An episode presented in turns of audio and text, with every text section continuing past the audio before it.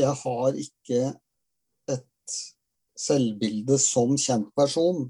Nei. Så jeg blir alltid veldig overrasket når noen faktisk stopper og snakker til meg, og det hender med ganske jevne mellomrom. Mhm. Noen som har lest en bok, eller nå som det ble kjent at jeg kommer med en ny roman som stopper meg, og jeg gleder meg sånn til boka di.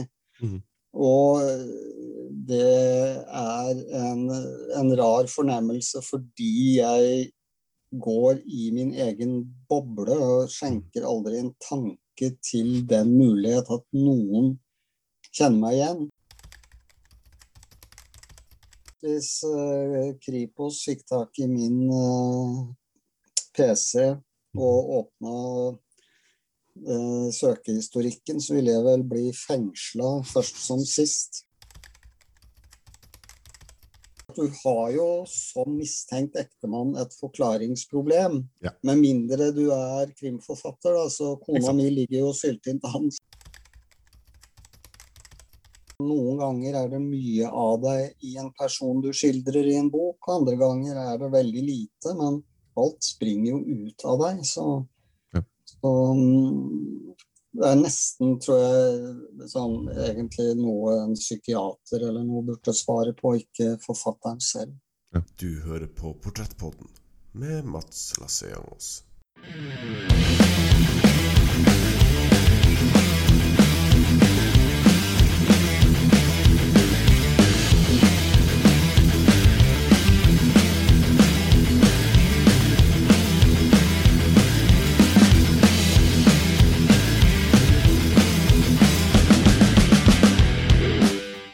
Det stemmer. Du hører på Portrettpodden. En podkast hvor jeg intervjuer mennesker som inspirerer meg, som får meg til å tenke, og som hjelper meg å forstå mer av verden jeg lever i. Mitt navn er Mats Lassiangås, og sammen med min gjest Tom Egeland skal vi være stemmene i hodet ditt den nærmeste timen. Egeland har bakgrunn som journalist, men siden 2006 har han arbeidet som fulltidsforfatter. Han er oldebarn av Jon Flatabø, som regnes som en av pionerene innen norsk populærlitteratur. Egelands publikumsgjennombrudd kom med boka 'Sirkelens ende' i 2001, hvor vi lesere blir introdusert for den albino-arkeologen Bjørn Beltø, som stadig roter seg inn i nye og spennende mysterier. Etter åtte bøker om Beltø sa Egeland i 2018 stopp. Inntil nå. Bjørn Beltø er tilbake i boka 'Sølvmyntene', og han er i storform. Bare hør på det her. 30 sølvmynter og et forræderi. Et 2000 år gammelt brev skrevet av Pontius Pilatus forsvinner under mystiske omstendigheter, og Bjørn Beltø får det farlige oppdraget med å finne brevet. Hva skjedde da Judas forrådte Jesus, og hva var Pilatus' rolle i dramaet? I jakta på fortidas gåte avdekker Beltø sensasjonelle hemmeligheter, samtidig som han blir konfrontert med et mysterium som har rot i hans egen fortid. I løpet av denne episoden prater vi om sølvmyntene, hva publikum kan forvente seg, lista over krimløsninger forfattere ikke burde benytte seg av, hans litterære bipolaritet og mye mer. Med det ønsker jeg dere riktig god fornøyelse, og her er Tom Egeland. Bjørn Beltø er tilbake etter uh, tre år. og Det er jo egentlig passende at, at vi spiller inn denne episoden her dagen etter uh, Kristi himmelfartsdag. Fordi i Sølvmyntene så er jo en av, en av eh, hovedkarakterene er jo Judas Iskariot, som som, som kjent forrådte Jesus for, uh, for 30 sølvmynter. For å ta, ta det, det åpenbare spørsmålet først, da. Hvorfor er Bjørn Beltø tilbake, og hvorfor nå? Ja, jeg eh, tok jo farvel med Bjørn tilbake i 2018. Og svaret på det var jo kort og godt at vi vel var lei av hverandre. Eh, Jeg hadde skrevet flere beltebøker på rappen og følte veldig behov for å skrive noe helt annet. Som jo ble thrillerne 'Falken og kongen', som kom i mm, 2019 og 2020. Mm. Um, men underveis i denne, i denne kall det separasjonen, så begynte jeg For å si det metaforisk, Bjørn begynte å banke på døren. altså Jeg begynte å få gode ideer til nye belteromaner. Og så spurte jeg meg selv liksom Må det nå absolutt være en endelig skilsmisse, eller mm. uh, hvorfor det? Altså, jeg hadde jo riktignok gått ut i VG og sagt at jeg har skrevet min siste belteroman. Mm. Men på den annen side, hvor mange avskjedsturneer var Kjell Bekkelund og a-ha på? Sånn at uh, det må jo være lov for en forfatter også å ombestemme seg. Jo da. Så da var det sånn at da jeg var ferdig med Kongen, da, romanen 'Kongen' uh, på um, nyåret i fjor, og da omtrent da Norge ble nedstengt uh, første gang med korona, så begynte jeg å skrive en ny belteroman. Uh, 'Sølvmyntene' heter den. Og jo, jeg må jo også legge til at uh, det var jo også en rørende oppmerksomhet fra publikum. Altså det, jeg var jo ikke på et bokbad eller en festival eller noe som helst uten å få spørsmål om ikke det kommer en ny beltebok. Mm. Og det er klart at jeg er jo ikke upåvirkelig, så det er klart at denne, denne veldige Eh, oppmerksomheten fra publikum bidro sikkert også til, eh, til, at tankene begynte å svirre. Og fikk jeg som sagt to, egentlig tre gode ideer til uh, mulige beltebøker. Og da begynte jeg å skrive, skrive den ene da, som ble til uh, Sølvmyntene, som handler om, om Judas og hva som egentlig hendte da. Han forrådte Jesus. Ja. Angivelig, må man jo si. Man, vi var jo ikke der. Vi vet jo ikke. Nei. Uh, så, uh, Arthur Conan Doyle, altså uten sammenligning for øvrig, uh, han var jo så, til slutt såpass lei av, av uh, sin Sherlock Holmes at han, han prøvde jo gjentatte ganger å, å, å, drepe han. Yeah. Du, du, hadde ikke på, på, samme måte at du, du følte sånn tvang til å bringe Bjørn Beltre tilbake? Nei, altså det var uh, Altså, jeg, som forfatter er jeg jo min egen herre og min egen sjef, så dette var drevet av ren lyst. Altså mm. ideen til sølvmyntene som kom først, vokste, og, og, da ble det til slutt uh, nesten hva skal jeg si, umulig for meg mm. ikke å skrive den boken. Ja, så når når først har ideer, så er det jo det, altså, det, det, er jo mye bedre enn å ikke ha noen det, noen det i det hele tatt. Vil jeg ja, det blir jo ikke bøker av. Nei, det er dårlig med det. Um, du, har uh, tidligere nevnt et annet um, uh, podkastintervju du gjorde, at um, du, du, mer eller mindre uh, mista barnetrua når du skulle konfirmeres. Um, er det da, for å ta litt sånn filosofiske, uh, svevende spørsmål Er det lettere for deg å gripe an den måte, religiøse, historiske eh, konteksten da, når du er ateist, enn hvis du sjøl hadde vært, eh, vært, kristen? Det er jo ikke godt å si, siden jeg bare er det ene og ikke det andre. Det er klart at jeg som ikke-troende står jo friere til å vri og vrenge på bibelhistorien mm. enn en som ikke bare tror på den, men også tilber Gud og Jesus eh, som hva skal vi si, virkelige personer. Eller ja, Gud er vel ikke en person, men altså Hvis du først eh, tilber Gud og Jesus, så, så vil jeg jo anta at du føler behov for ikke å krenke dem eller uh, skrive om bibelhistorien, sånn som jeg gjør. Mm. Men uh, hva vet jeg? Kanskje, kanskje, er det like lett for en kristen som det er for meg. Ja. du har selvfølgelig også et, et, et stort forfatterskap utafor uh, Bjørn Belte, som uh, selvfølgelig de aller fleste som ikke har bodd under en stein, er klar over. Men Bjørn Belte-serien, da, altså hvis vi regner med Sølvmyntene, er da totalt ni bøker. hvis bokhylla mi er oppdatert. Mm. første boka, 'Sirkels ende', kom i 2001. Der kom den, den sammenlignelsen med, med Dan Brown, som har blitt diskutert mange ganger før, så vi trenger ikke ta den diskusjonen på nytt. Um, din kom først. Uh, den, den, den, ene har hissa på seg Vatikanet, den andre kan skrive. Så det, det er min uh, oppsummering på, på den sammenligninga.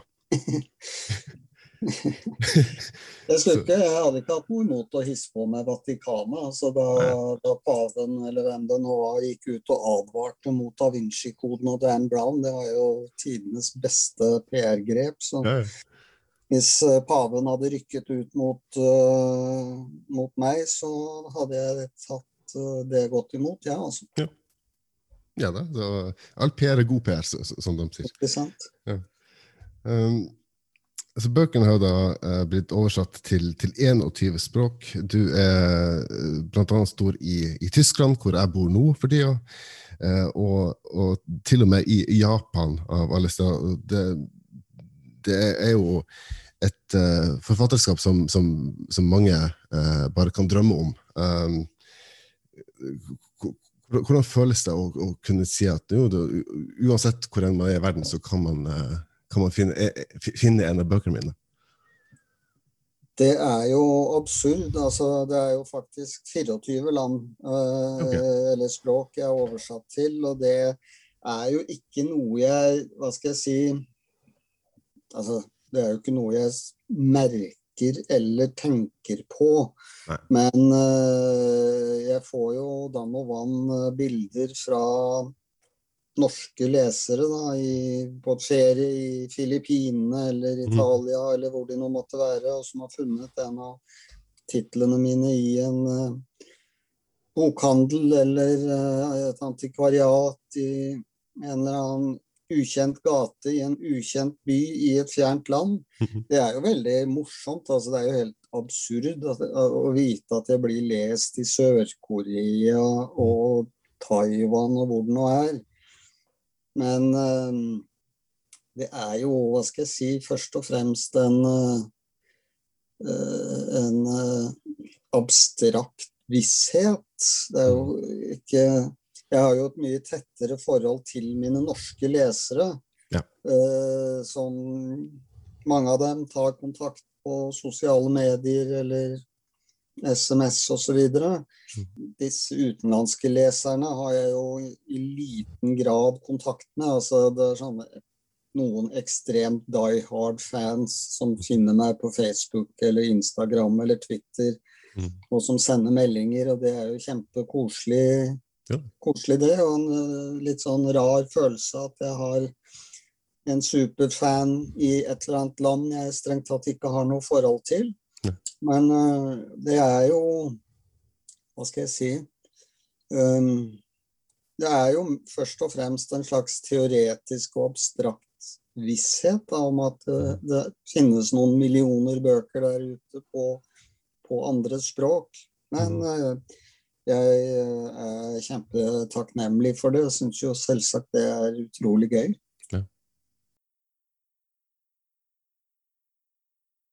Du hører på Portrettpodden med Mats Lasseangos.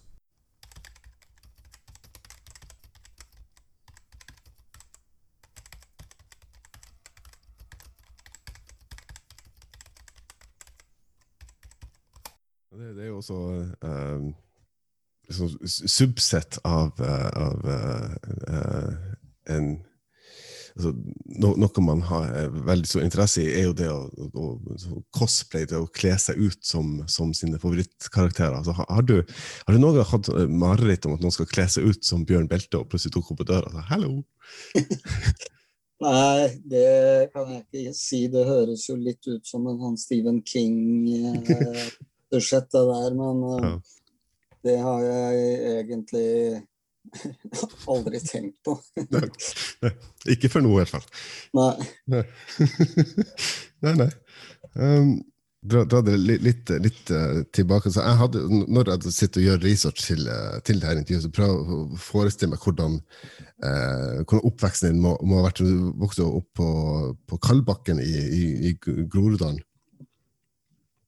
på 60-tallet. så jeg prøver liksom å male meg et bilde hvordan unge Tom, Tom Egeland må, må, må ha hatt det. Uh, og da, i min villeste fantasi, så ser jeg for meg at du, du, går på Edda kino og ser Star Wars.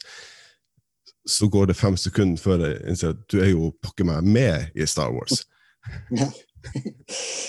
det er oppfølgeren til fenomenet Star Wars, The Empire Strikes Back, eller Imperiet slår tilbake på norsk, skulle spille inn åpningsscenen på den islagte planeten Hoth, la de produksjonen til Finse en av de modige rebellene som kjempa mot Darth Vaders imperium, var en ung Tom Egeland. Altså, Star jeg, har, eh, jeg så vel aldri Star Wars på Edda, men eh, Edda var jo min barndoms kino. Altså, jeg husker da Edda ble stiftet på 60-tallet, og jeg syns Edda var et veldig rart navn. Ja. Og moren min sa til meg ja, men når du blir stor, så er du vant til at den kinoen heter Edda. Mm. Og det fikk hun jo for så vidt rett i, men nå er den jo nedlagt, i likhet med veldig mange sånne drabantbykinoer i, i Oslo. Men jeg hadde veldig mange gode opplevelser på Edda. altså fra min barndom. Jeg husker jo sånne gamle amerikanske Zorro-filmer og mm. Tarzan og Daktari og Løven Elsa og hva det nå het. Olsenbanden, selvsagt. Det var jo stort. Så jeg var, eh, jeg vil vel si som barn og ung, var jeg vel på kino sikkert minst en gang i uken. Altså jeg mhm. så jo det meste som gikk fram til eh, et stykke ut på 80-tallet, da jeg var etablert da, og ikke hadde tid til å fly på kino i tide og utide. Men uh, mange, mange flotte filmopplevelser på Edda. Mm. Går det da an å, å spore tilbake altså det, altså det, at du er krim- og spenningsforfatter, går, går det an å spore det tilbake til de Zorro-filmene du så i oppveksten, f.eks.? Nei, det tror jeg ikke, men jeg kan veldig tydelig spore det tilbake til mine besøk på det som vi kalte Bibberen, det var mm. Deichmanske bibliotek på Nordtvedt, som var mitt barndomsbibliotek. Der hadde de én hylle, altså ca. meter bred og to meter høy hylle, med krim- og spenningslitteratur. Mm. Og den altså den tømte jeg, for å si det sånn. Eller den leste jeg ut, og hver gang det kom en ny bok, så lånte jeg den og det var alt fra Bernhard Borge og de, hva skal jeg si, de norske klassikerne til mm. eh, ja, Sherlock Holmes og Gata Christie og, og, egentlig hele katalogen av uh, krimforfattere, sånn historisk. Uh, så ble jeg veldig glad i Alistair MacLean og Desmond mm. Bagley, som jo skrev uh, thrillere mer enn krim.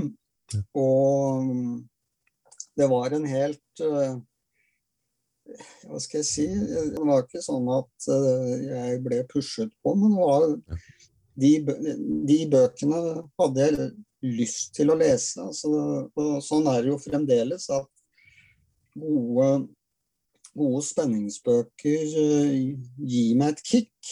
Mhm. Jeg leser gjerne seriøs skjønnlitteratur og klassikere også, men jeg er veldig glad i krimsjangeren. Eh, kanskje fordi den litt sånn automatisk gir deg eh, fremdrift og spenning og blir meddrivende. Altså jeg misliker intenst å bli kjedet av bøker. Og jeg er nok en en type som foretrekker altså episke, altså handlingsdrevne romaner, altså typisk angloamerikansk uh, litteratur, søramerikansk uh, Altså uh, Gabriel Garcia Marquez og den type forfattere er jeg veldig glad i. Mm. Sliter litt mer med franske idéromaner og, og den type litteratur. Franske bøker det har jeg aldri klart å gripe an. Jeg prøvde meg på De elendige. Det ja. gikk ett kapittel, tror jeg. Det var 300 sider, så nei. nei gidder ikke. Flott musikal, da. Jo da, absolutt. Den er mye lettere å fordøye enn en boka. det er jo altså, Krim og spenning har jo, har jo blitt uh, ditt, ditt, varemerke, Tom. Men uh, altså, en av de høyeste uh, utmerkelsene man kan få som norsk forfatter, er jo da um, Riverton-prisen.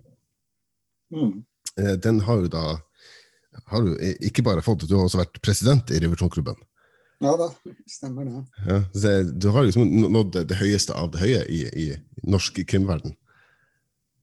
Ja, det kan du jo si, i den grad det finnes sånne hierarkier. Altså, ja. Riverklubben har jo noe sånt som 150 medlemmer. Mm. De aller, aller fleste er jo krimforfattere. Det er noen få krimanmeldere og filmskapere og redaktører med også, men i det alt vesentlige så er det jo krimforfattere.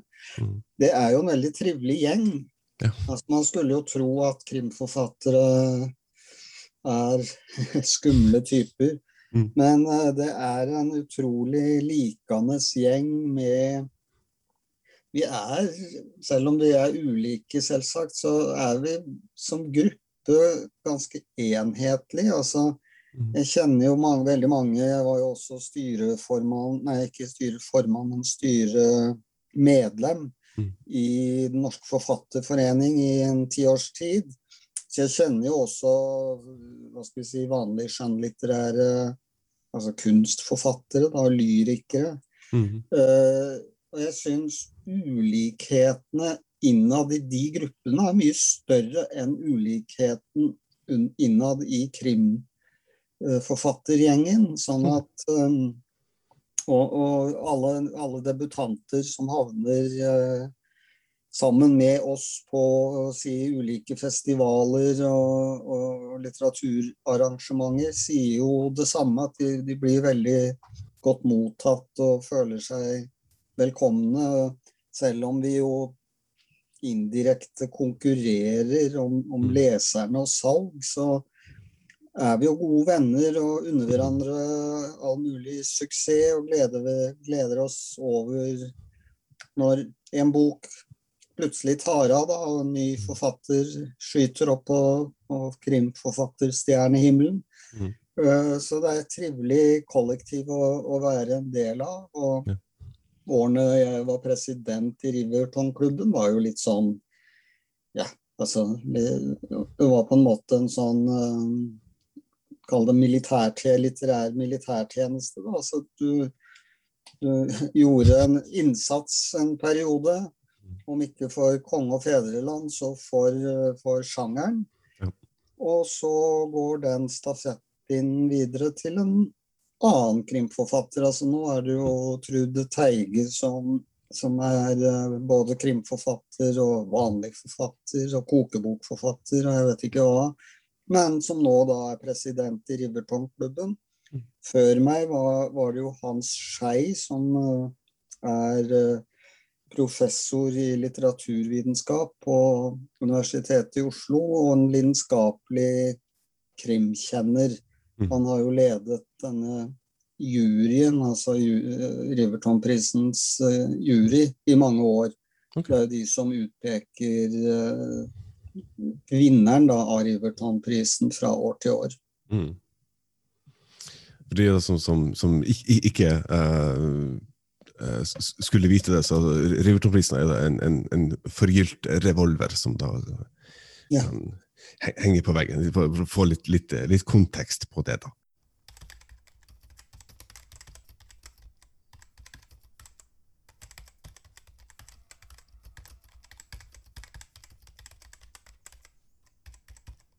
Nå er vi allerede kommet 20 minutter ut i uh, intervjuet, for, så da for å ta uh, um, For å gå tilbake til, til det samme uh, podkastintervjuet jeg hørte tidligere, som du gjorde med Kaprendam, mener um, så, så, nevnte du blant annet at du, du i, i, begynnelsen av karrieren så var du veldig ja, Kanskje ikke sjenert, men du, du vegra litt for å gjøre intervjuer. og ja, du vil ikke opp, oppsøke så veldig sånne store eh, arrangementer. Da. Så uh, hvordan føler du dette intervjuet går foreløpig? altså, jeg har aldri vært redd for intervjuer. Det, kom jo fra en jobb som journalist. Jeg har jo sittet på andre siden av mikrofonen, for å si det sånn, i, i mange herrens år. Så det var ikke intervjuer jeg mislikte. Det jeg mislikte, var jo rett og slett å skulle snakke foran store forsamlinger. Mm. Eh, eller være på TV og være på radio og sånne ting. Det syns jeg var rett og slett fryktelig skummelt. Sånn at jeg eh, prøvde så godt jeg kunne å unngå det. Så har jo med årene har jeg jo vært gjennom det så mange ganger at den skrekken er heldigvis over. Men eh, ja, ja, ikke for det. Jeg føler nok fortsatt liksom jeg står foran 100 stirrende mennesker eh, som sitter i salen og ser på meg. Jeg kan nok fort føle det som litt sånn anspent, da, men, eh, men det gjør meg ingenting lenger. Mens eh, helt i starten av karrieren så syntes jeg det var fryktelig ubehagelig, rett og slett. Mm.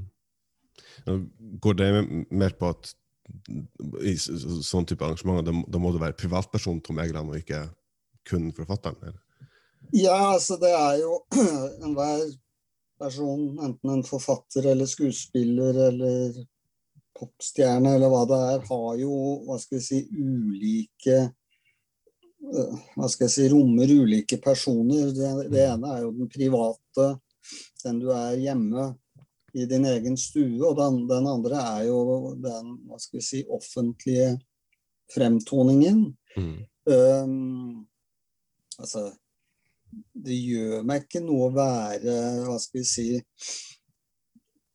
personlig, men jeg er veldig sjelden privat. Altså jeg har ganske klare grenser eh, for hva jeg stiller opp i. Altså F.eks. får jeg jo jevnlig forespørsler fra reality-konsepter som spør om jeg vil være med på dette og hint. Eh, noen ganger svarer jeg ja, hvis jeg føler at uh, liksom er forfatteren mm de vil ha, eller hvor jeg i rollen som forfatter kan, kan medvirke. Men jeg sier nei til veldig, veldig mye mm. som der hva skal jeg si, min medvirkning ikke ville være som forfatter, men bare som et eksempel på en kjendis. Altså i den mm. grad jeg er kjendis på C-skalaen eller noe sånt noe, så, mm. Så har jeg ikke noe behov for å dyrke den delen av meg. Så, men jeg, jeg, jeg, er jo mye på TV og radio, aviser osv. Særlig når jeg lanserer en ny bok. Da. Det er jo en del av gamet. Ja. Og i rollen som forfatter, sånn at hvis jeg får forespørsler som forfatter, så medvirker jeg gjerne. Mm. Men uh, liksom min, mitt mitt private rom har jo ikke publikum noe med. Og derfor er jeg heller ikke noe sånn øh, flink til å liksom dele alt jeg oppfatter som privat med offentligheten. da. Jeg har jo vært for eksempel, jeg har jo vært mye både i Se og Hør og Her og Nå, men, øh, men da som forfatter og ikke, ikke, hva skal jeg si, ektefelle eller uh, Altså, jeg har, har, ganske strikte grenser på hvilke dører jeg vil åpne opp, da. Mm. Det har jeg full forståelse for. Um, altså, det, det også syns jeg altså, litt, litt, litt morsomt med det at man, man, man, man har kun den forfatteren man ser på TV, man, man kjenner ikke privatperson, er at uh, i 2019 altså, bodde jeg kort tid i samme bydel som du da bor i, uten, uten å nødvendigvis gå inn på hvor det er. Um, og En kveld jeg var var ute med uh, et par kompiser og uh, skulle gå til, til T-banen, så, så så jeg tilfeldigvis at du gikk og, og, og lufta bikkja. Ah. Og da var jeg sånn Herregud, Tom Egeland! altså, I stedet for å bare gå fram og, og, og presentere meg og si hei, liksom. men da nei, nei, nei, kan, kan ikke si noe. Gå, gå andre retninger. Så ble jeg ja, nei, ja. nei, altså, jeg har jo jeg, Hva skal jeg si? Altså, jeg, jeg har ikke et selvbilde som kjent person. Så jeg blir alltid veldig overrasket når noen faktisk stopper og snakker til meg, og det hender med ganske jevne mellomrom. Mhm. Noen som har lest en bok, eller nå som det ble kjent at jeg kommer med en ny roman som stopper meg. Å, jeg gleder meg sånn til boka di. Mm. Og det er en, en, rar fornemmelse fordi jeg går i min egen boble og skjenker aldri en tanke til den mulighet at noen kjenner meg igjen. Og noen ganger skjer jo det, da. Mm. Men altså, jeg, jeg er ikke noen sånn superkjendis, så jeg ville vel tro at jeg kunne er kjent blant mennesker som enten leser bøkene mine eller følger med på litteratur. Jeg er jo ikke noen sånn typisk Se og Hør-kjendis, heldigvis. Ja. Man trenger ikke nødvendigvis å være eh, A-kjendis eh, for, for, å kunne skrive bøker. Det... Nei, tvert imot. Eh, er vel bare ja, Jo Nesbø og Knausgård og Unni Lindell og en håndfull som er hva skal vi si, sånn superkjendiser, da de fleste forfattere er jo relativt anonyme personer. Det, det er, altså, er, er så anonym person det gjør jo også at eh altså, Hvis vi går litt tilbake til, til tema research, da, så, jo, så oppdager man litt uh, morsomme ting da, ut ifra det man da er nødt til å gjøre research på. Uh, som en dansk dokumentar om deg uh, mens du jobber med ei bok. Og da brukte du uh, vår uh, felles bekjente Christian René Wold som, som konsulent. Ja. Christian René Wold jobber i dag som sosionom, men han har tidligere hatt en kriminell fortid. Noe han bruker som bakgrunn for sitt eget virke som kriminalforfatter. Og han spiller også en rolle i filmen Tullrusk, som jeg sjøl har hovedrollen i. Og det, det, det, leder meg jo til det spørsmålet altså, Hvordan ser søkehistorikken din ut? Nei, jeg pleier å si det at hvis uh, Kripos fikk tak i min uh, eh, PC og åpna uh, søkehistorikken, så ville jeg vel bli fengsla først som sist. Um, det, jeg, altså, jeg søker jo på vanvittig mye rart, men også ting normale folk ikke søker på. Altså liksom Nei. Hvor lang tid tar det for et lik å råtne hvis det ligger i vann, eller hvis det ligger ute i friluft? Mm. Altså, jeg har jo hyller bak meg her på skrivekontoret med fagbøker om sånne ting. Altså forensics og retts... Mm. Eller um, rettsmedisin og den type temaer. Men når du først er inne i et prosjekt, så er det liksom ikke grenser for hvor detaljert informasjon du plutselig kan få behov for. Da. Altså hva, hvis, hva, hva slags gift vil være vanskelig å oppdage for en obdusent? Og hvis du finner en sånn gift, hvilken effekt har den på det menneskelige legeme. Mm. Den type liksom veldig sære, sære spørsmål altså, googler jeg jo nesten hver dag. Mm. Så eh, jeg tror jeg blir nødt til å sprenge PC-en min hvis Kripos av en eller annen grunn skulle komme og banke på døra. Det, det kan godt hende, altså. Eh, for det er jo altså Uten kontekst så høres det jo eh, litt suspekt ut, kan man jo si. Altså, De gjør jo disse tingene. du vet, altså, sånn, Det er eksempler på kvinner som er sporløst forsvunnet, mm. uh, meldt savnet av sin ektemann. Og ingen vet hvor hun blir av. Så går jo politiet inn altså I ni av ti tilfeller så er det jo ektemannen som står bak. altså Det vet jo politiet også. Mm. Uh, så når de da beslaglegger uh, PC-en til uh, en mistenkt da, og finner søkefraser som 'hvordan senke lik i, på dypt vann'. Altså, det er klart Du har jo som mistenkt ektemann et forklaringsproblem. Ja. Med mindre du er krimforfatter. Da, så kona mi ligger jo syltynt an, selvsagt.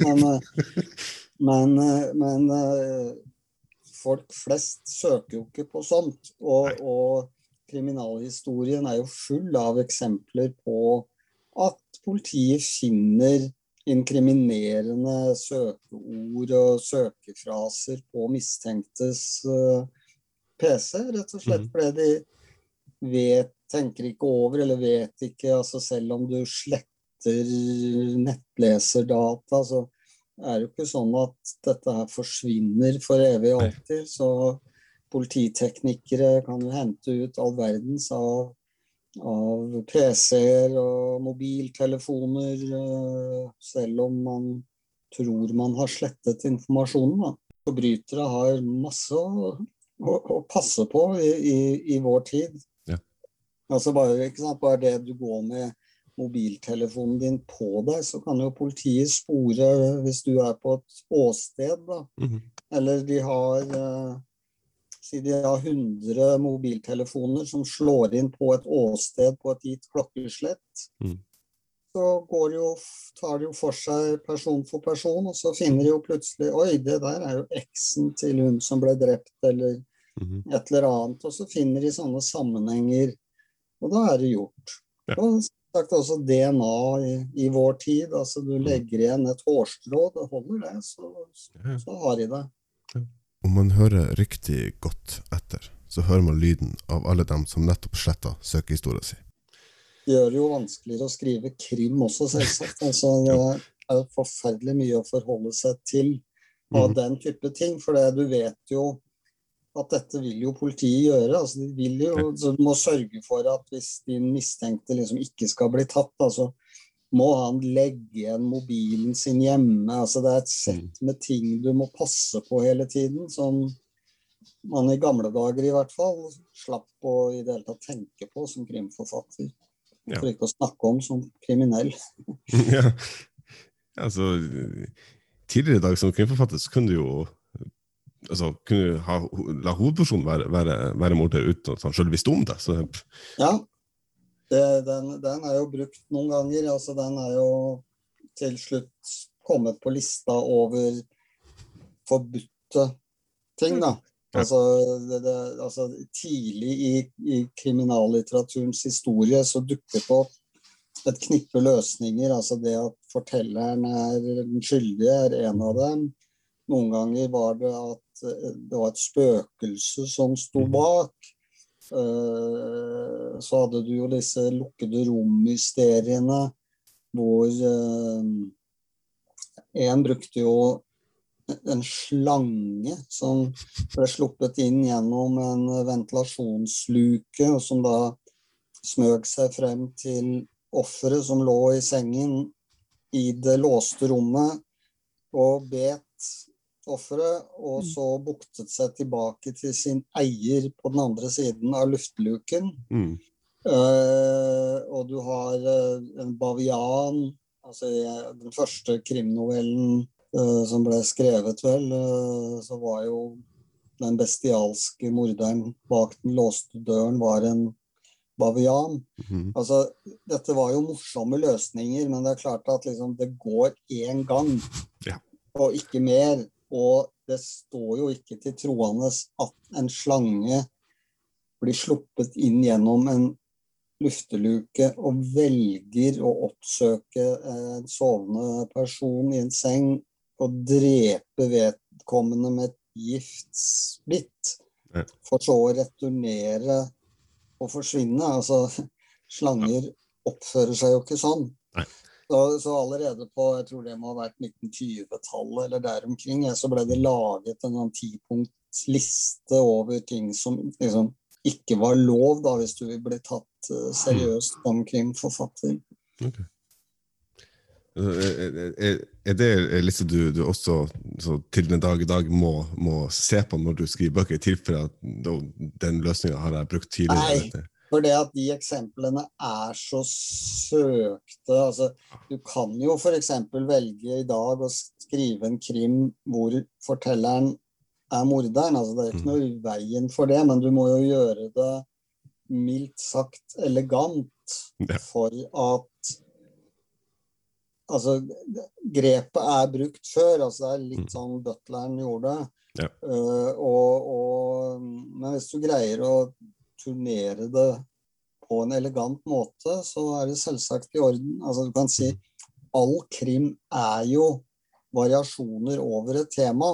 Ja. Sånn at det handler jo i større grad om hvordan du løser både kriminalmysteriet, men ikke minst hvordan du skriver som, som skiller en ja, alt fra en dårlig krim til en middels god krim til en liksom eksepsjonelt glimrende krim. Det handler jo om forfatterens talent og, og valg av løsninger.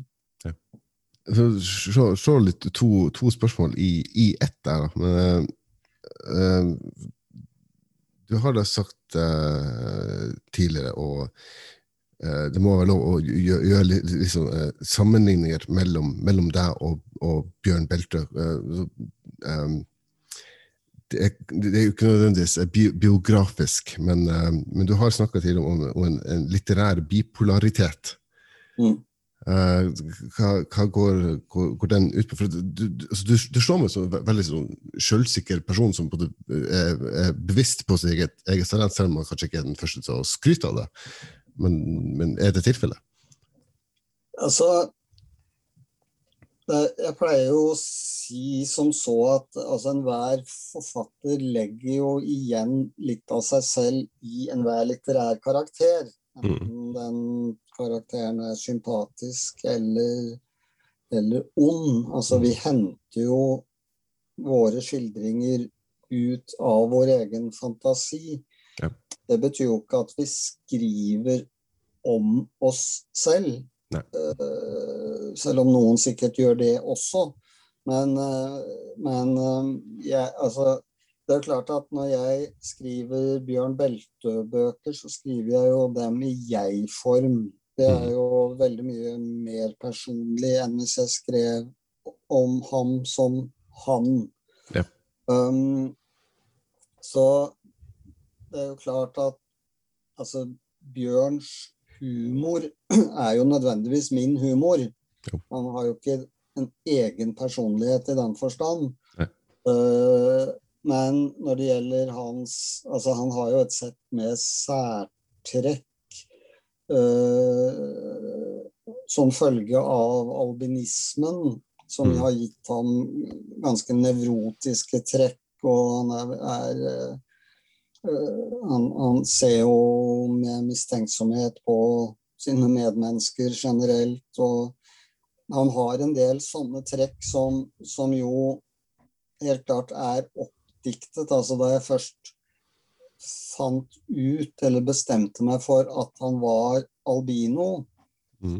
så ga, del, ga det en del litt sånn automatiske føringer. Altså han følte seg litt utenfor som barn hadde han aldri vært helt en del av gjengen. Mm.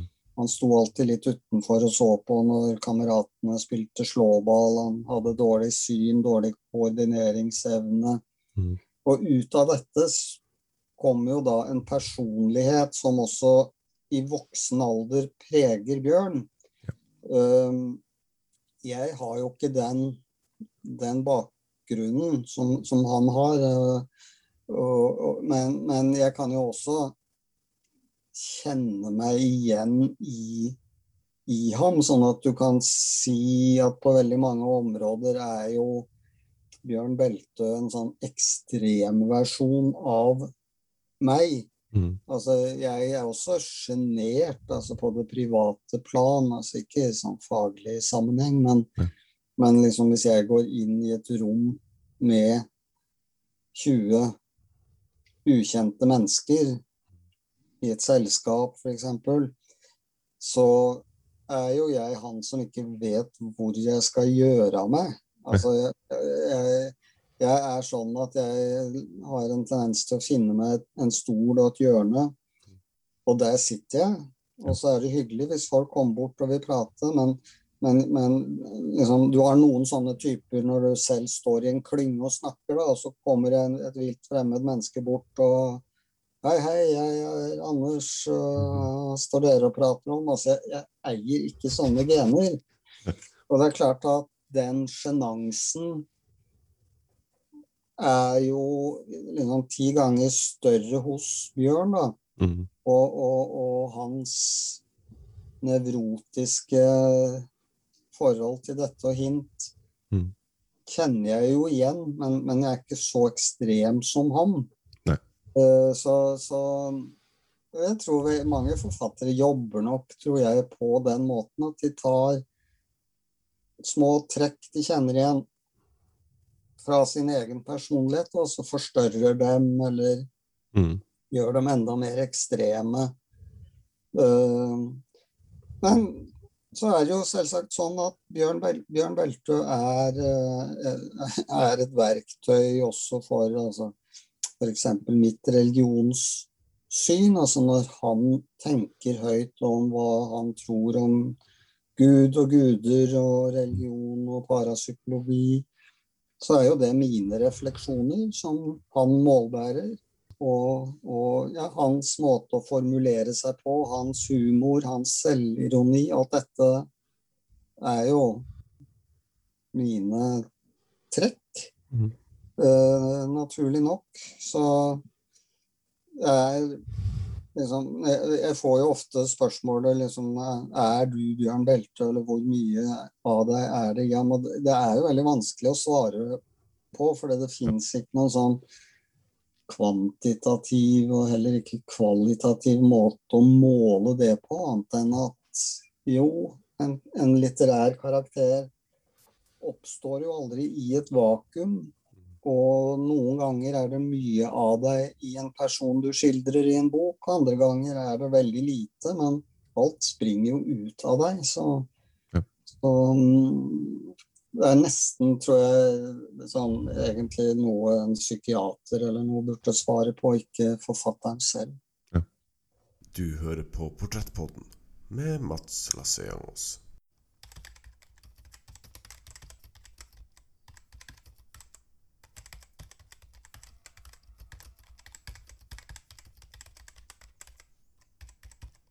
har også en, en, en altså, Apropos Bjørn, så har jeg også en, en tilståelse. Det er også fint å, å kanskje, kanskje, komme med noe som jeg faktisk, faktisk har mulighet til, å prate med deg. At, uh, det leder også inn i et neste spørsmål. Når, når jeg googler på, på internett, så finner jeg mange illustrasjoner av hvordan Bjørn Bølte kunne sett ut. Men når jeg leser bøker, så ser jeg egentlig for meg sånn ja, Må kanskje også be om unnskyldning på forhånd. En, en sånn albino Hans Olav Lahlum. ok. ja, kan, er en god venn av meg. Ja. Eh, og kollega, selvsagt. Mm. Nei jeg, Altså, han har nå altså, Bjørn Beltø har nå håret sitt i behold, i hvert fall. Jo, det er sant. Um, Pussig nok, altså mange som forteller meg det at de ser for seg Bjørn Beltø som sånn litt lubben. Mm. Det skjønner jeg ikke. Jeg har aldri skildret han på den måten. Så jeg har liksom i det siste understreket at han egentlig er ganske radmager. Mm. Jeg, jeg, har jo ikke et sånt Hva skal jeg si Jeg har ikke et sånt fotografisk bilde av bjørn som jeg ser for meg, fordi at når jeg ser for meg bjørn, så er jo jeg i hans hode. Altså, jeg ser jo med hans øyne. Mm. Så eh, jeg, jeg, tenker jo først og fremst på ham som en med typisk eh, albinotiske trekk. da, altså At han har hvit, blek hud, hvit, hvitt hår og, og litt sånn rødaktige øyne. Og disse mm. særtrekkene ved albinister så, så jeg Nei, det er ikke sånn at jeg ser ham sånn klokkeklart for meg. Det kan jeg ikke si. Ok. Nei, nei. Uh, han ser ikke ut som Hans Olav Lahlum, i hvert fall. nei, det har aldri slått meg.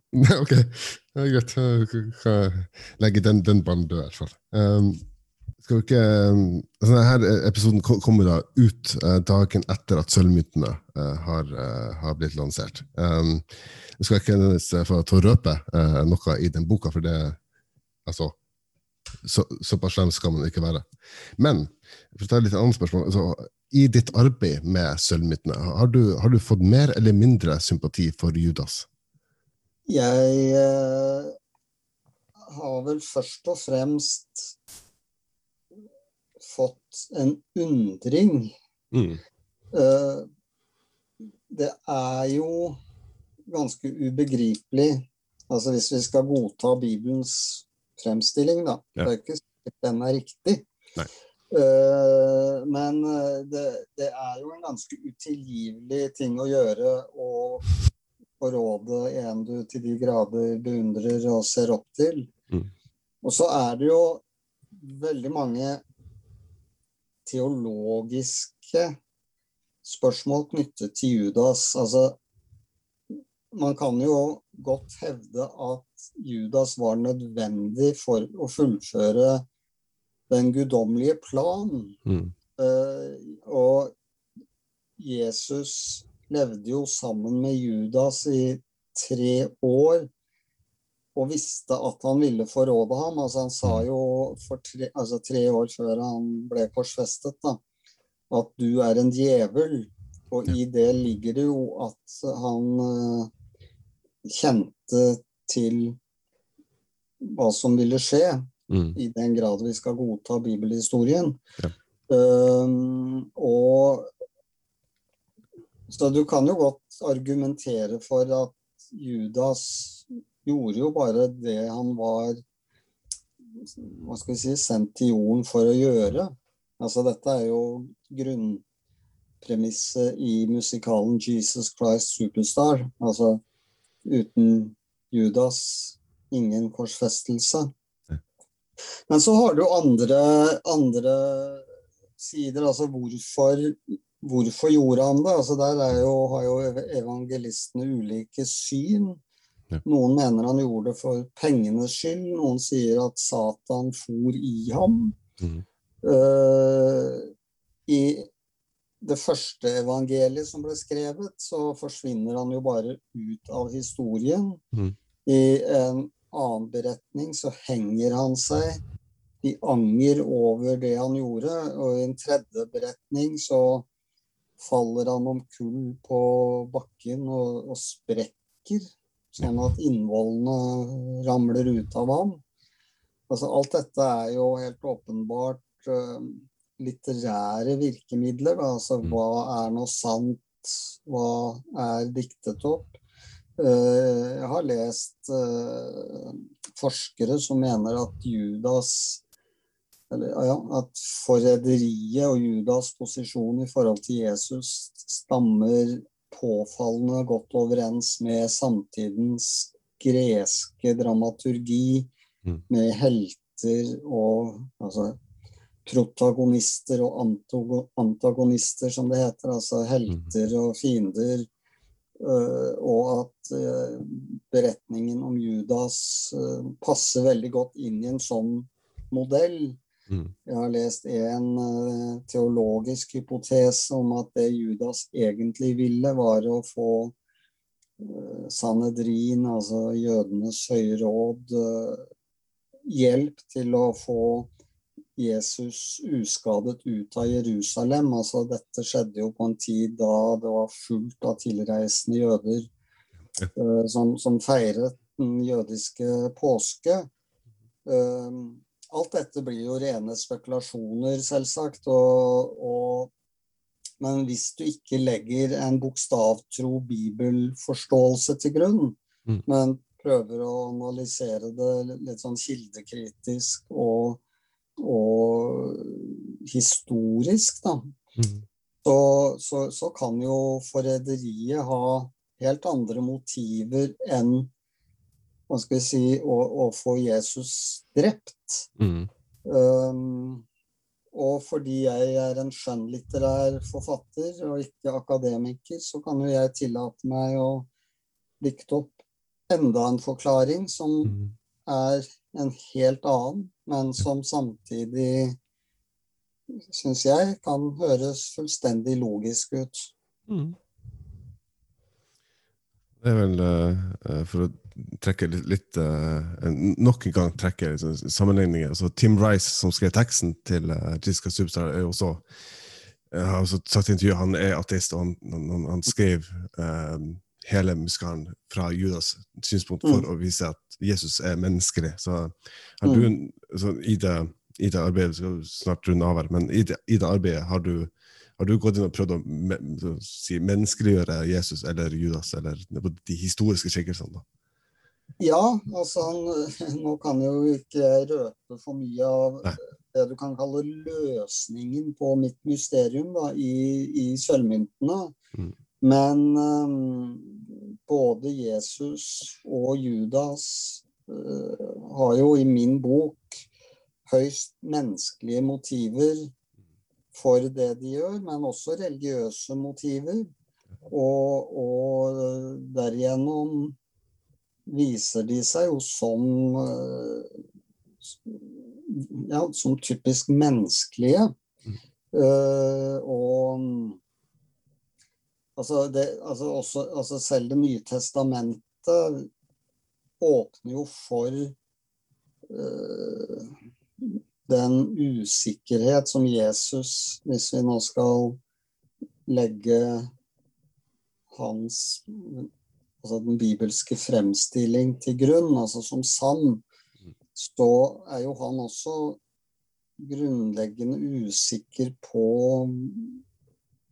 Judas uh, Han kaller ham jo en djevel uh, og, og, sier jo at han, han svikter meg, men samtidig er det mange teologer som mener at Judas nok var den av de tolv disiplene som sto Jesus aller nærmest, mm. og som kan tyde på at uh, avstanden mellom dem kanskje ikke var så stor som den bibelhistoriske fremstillingen da, mm. av Judas som den ultimate forræder. Han vokste jo frem i middelalderen som et eksempel på en liksom, altså det, det, laveste av det lave av menneskelige egenskaper. Uh, mens i Det nye testamentets sånn bokstavelige fremstilling så angret han jo veldig. Så, og, og, og, anger er vel også en, en, en god menneskelig egenskap. Ja. Så hva nå Altså hvordan ettertiden liksom rettferdig skal bedømme Judas, det er ikke godt å si. Avslutningsvis, du nevnte uh, uh, tidligere uh, i samtalen at du fikk tre ideer til Beltøy-historie. Uten å røpe for mye, selvfølgelig, hva kan vi vente oss videre etter Sølvmyntene? ja, nei Jeg kan ikke røpe for mye, men jeg har jo også en Eh, en viss interesse for um, altså den norrøne mytologi og religion, altså troen på Odin og, og de norrøne guder. Har jo lenge undret meg over altså hvorfor vokste åsatroen frem så mange århundrer etter at resten av verden jo var kristnet. Mm. Jeg syns det er et fascinerende tema. Altså mytene myten om at Olav den hellige kristnet Norge, er jo en ren hva skal jeg si, legende. Eller, altså, mm. Landet var jo egentlig kristnet lenge før han, og så kan du si at han kanskje sluttførte et arbeid, men med betydelig vold. Mm. Så hvor, eh, hvor helgenaktig han nå egentlig var, uh, syns jeg er et nokså åpent spørsmål. Men det er en tematikk jeg nok uh, kunne tenke meg å, å, å dykke litt inn i. Du har hørt en episode av Portrettpodden, en podkast med meg, Mats Lassiangos. Og min gjest i denne episoden var forfatter Tom Egeland. Hans nyeste bok 'Sølvmyntene' er nå ute i butikkene. Har du gjort deg noen tanker mens du har hørt denne episoden? Har du ris eller ros eller tips som skal komme, så kan du rette til Portrettpodden sine Facebook-sider, eller på e-post til portrettpodden at gmail.com.